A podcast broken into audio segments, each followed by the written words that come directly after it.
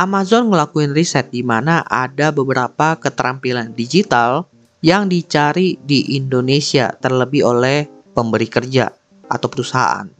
Kira-kira apa aja itu? Langsung aja kita bahas di studi kasus. Jadi, anak perusahaan milik Amazon yaitu Amazon Web Service atau AWS dan juga Gallup melakukan riset yang bertajuk Asia Pacific Digital Skill Study. The Economic Benefits of Tech Savvy Workforce.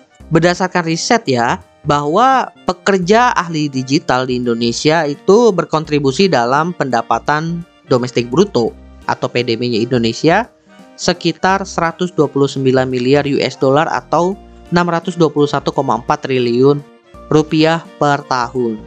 Jumlah kontribusi yang besar ini ya disebabkan karena para pegawai ahli digital ini menerima gaji lebih besar 121% dibandingkan yang tidak memiliki kemampuan digital. Dan ternyata ada masalah di sini di mana sebesar 84% pemberi kerja di Indonesia ingin mengisi lowongan kerja yang mensyaratkan keterampilan digital. Namun, sekitar 86% di antaranya sampai saat ini masih kesulitan menemukan talenta yang mereka butuhkan. Artinya apa? Artinya opportunity-nya itu masih lumayan besar. Lowongan pekerjaannya itu banyak tapi yang mengisinya itu yang sedikit. Pertanyaannya di sini adalah kira-kira keterampilan digital apa sih yang dicari oleh pemberi kerja di dalam risetnya Amazon ini? Di sini dibagi menjadi tiga kategori berdasarkan tingkat kesulitannya. Yang pertama itu adalah keterampilan digital dasar, di mana kemampuan ini itu mencakup yang pertama kemampuan menggunakan email, kemampuan pengolah kata, dan perangkat lunak produktivitas kerja lainnya, dan juga media sosial. Jujur, gue lumayan kaget ketika gue ngelihat keterampilan digital dasarnya itu masih mencakup penggunaan email dan juga pengolah kata.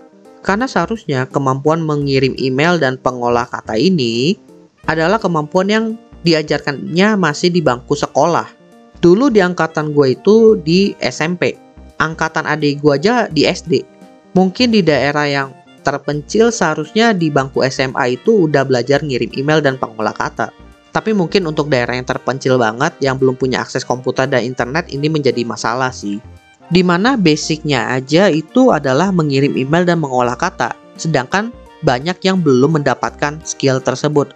Gue tadi juga iseng-iseng ya mencari informasi terkait akses internet di seluruh Indonesia terlebih untuk akses sekolahnya. Dan ternyata di Indonesia sendiri belum semua sekolah bisa mengakses internet. Artinya ada kemungkinan di mana siswa-siswa tersebut belum mempelajari cara mengirim email dan juga mengolah kata.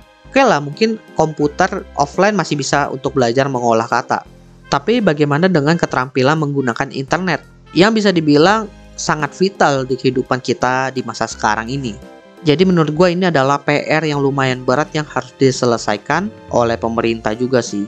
Karena lumayan sih ini kalau misalnya seluruh Indonesia udah punya keterampilan digital dasar bakal berimpact kepada si pendapatan domestik brutonya tadi, si PDB. Selanjutnya keterampilan digital menengah. Nah, skill yang mencakup digital menengah di sini adalah skill desain web dengan menggunakan template, kemudian perbaikan masalah atau troubleshooting pada aplikasi, dan juga analisa data. Menurut gua dari keterampilan digital menengah yang gue sebutin tadi itu, sisi teknikalnya itu belum terlalu berat karena masih berpatokan kepada penggunaan template, kemudian perbaikan masalah saja terhadap aplikasi yang sudah ada, di mana keduanya ini dari sisi teknikal tetap perlu ada, tapi untuk yang dalam banget itu belum perlu.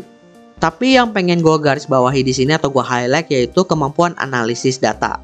Di mana kalau kita bicara tentang analisis data, artinya kita bicara tentang logical thinking. Bagaimana membuat sebuah kesimpulan dari data-data yang sudah ada, dan bagaimana caranya kita menyajikan data-data tersebut ke dalam sebuah laporan. Sehingga kalau kita menyajikan sebuah informasi kepada atasan kita, kita itu menyajikan informasi itu berbasiskan data yang sudah dianalisa. Sehingga informasi yang kita sajikan itu menjadi informasi yang aktual dan juga dapat dipercaya karena berdasarkan data yang ada. Selain logical thinking juga berarti kita bicara tentang critical thinking. Gimana kita itu bisa menanggapi data-data yang ada, kemudian menganalisisnya dan menghasilkan informasi yang kritis juga. Menurut gua kemampuan analisis data ini bukanlah kemampuan yang bisa dipelajari dalam waktu semalam, tapi ini perlu diasah terus-menerus sih. Selanjutnya, keterampilan digital tingkat tinggi yang meliputi arsitektur atau pemeliharaan cloud, pengembangan perangkat lunak atau aplikasi, kecerdasan buatan atau artificial intelligence, dan juga pembelajaran mesin atau machine learning. Nah, kalau keterampilan digital ini, ini udah benar-benar technical. Biasanya udah mengimplementasikan kemampuan digital tingkat tinggi ini adalah perusahaan yang udah corporate dan dari segi IT-nya juga udah advance. Karena keterampilan ini bukan cuma dari sisi teknikalnya itu juga berat, modal yang dikeluarkan untuk mensupport technical skillnya ini juga lumayan besar. Jadi bisa dibilang ya kalau kita mau mengadopsi keterampilan digital tingkat tinggi ini dari segi lingkungan kerja dan juga dari sisi human resource-nya itu udah benar-benar satu kesatuan yang udah mateng. Nah, dari skill-skill yang gue sebutin tadi, menurut gue yang benar-benar perlu dikuasai oleh orang Indonesia tentunya yang pertama adalah dari keterampilan digital dasar. Karena ini bicaranya sih bukan terkait untuk kerjaan aja ya, tapi ini udah mencakup bagaimana kita terhubung dengan kehidupan kita sehari-hari terlebih yang udah digital semuanya. Contohnya yang ngirim email tadi, karena kan di era sekarang itu kita ngirim email bukan cuma ke atasan kita aja, ke teman kantor kita aja, tapi udah di luar dari urusan kantor. Misalnya ada komplain ketika kita memesan barang biasanya sekarang diselesaikan by email. Intinya sih skill digital dasar ini udah bukan terkait urusan kerjaan aja, tapi udah mencakup urusan kehidupan sehari-hari juga. Kalau untuk keterampilan digital menengah, menurut gua yang diperlukan itu lebih terkait analisis data tadi. Dan menurut gue cukup aneh sih dimasukin ke dalam keterampilan digital menengah. Soalnya kalau bicara soal analisis data itu kan nggak perlu berbasis hal-hal yang sifatnya digital. Yang penting ada data. Data kan bisa bentuknya itu dokumen fisik juga kan. Tapi tetap menurut gua analisis data ini adalah skill yang penting yang harus dikuasai oleh orang Indonesia. Kalau terkait mencakup desain web dengan template, kemudian perbaikan atau troubleshooting pada aplikasi, menurut gue ini ini udah menjerumus ke bidang tertentu. Sehingga orang yang di luar bidang IT tentunya agak aneh kalau mempelajari skill-skill ini kecuali memang mereka itu punya ketertarikan dan pengen karir switching gitu. Dan untuk keterampilan digital tingkat tinggi ini menurut gue ini udah bener-bener mengarah ke orang-orang IT. Bener-bener orang itu kalau udah mempelajari skill-skill tingkat tinggi ini bisa dikatakan orang itu udah golongannya expert. Kalau dibilang wajib atau enggak, untuk orang IT menurut gue sih ini wajib karena kan orang-orang IT pasti udah tahu ya, teknologi itu terus berkembang dan kita itu harus keep up to date dengan teknologi. Nah, skill tingkat tinggi yang gue sebutin ini adalah salah satunya, jadi wajib. Kalau orang yang pengen karir switching ke IT gimana? Ya wajib.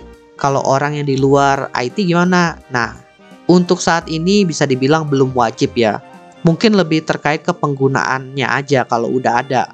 Kan nggak ada yang tahu ya, mungkin 10 tahun lagi itu keterampilan digital dasarnya adalah penggunaan AI kan nggak ada yang tahu ya seberapa cepat perkembangan teknologi beberapa tahun ke depannya. Tapi menurut gue kita itu sebagai tenaga kerja kita itu harus siap dengan kemungkinan yang ada. Well, jadi itulah beberapa keterampilan digital yang dicari di Indonesia berdasarkan riset yang dilakukan oleh Amazon Web Service dan juga Gallup.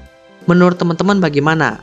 Dan juga menurut teman-teman kalian itu udah ada di level yang mana? Apakah masih di keterampilan digital dasar atau keterampilan digital menengah atau bahkan udah yang tingkat tinggi. Intinya di sini adalah bahwa kalau kita bicara tentang keterampilan digital itu opportunity-nya sekarang masih terbuka lebar.